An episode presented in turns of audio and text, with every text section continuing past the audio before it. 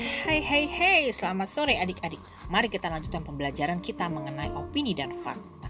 Di sini ada studi kasus, kakak akan bacakan, kita sama-sama menganalisa pernyataan atau studi kasus ini, opini atau fakta. Teror polusi udara Jakarta.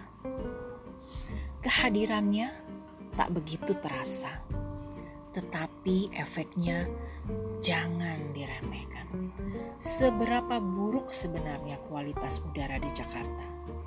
Peningkatan jumlah kendaraan menjadi salah satu penyebab kualitas udara memburuk.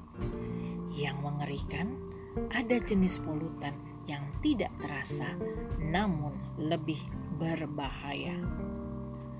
Polutan ini berasal dari pembangunan PLTU radius 100 km di sekitar Jakarta.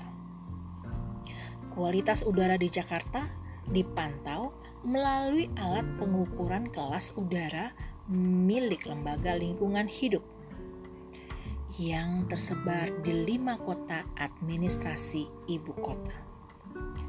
Alat ini sekaligus dijadikan untuk mengukur efektivitas upaya penanggulangan polusi udara.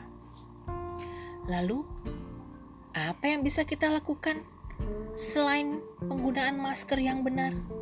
Ya, kita bisa ikut mengurangi polusi udara, seperti tidak membakar sampah, mengurangi rokok, mengurangi produk kemasan, hingga beralih ke transportasi publik yang sudah disiapkan oleh pemerintah.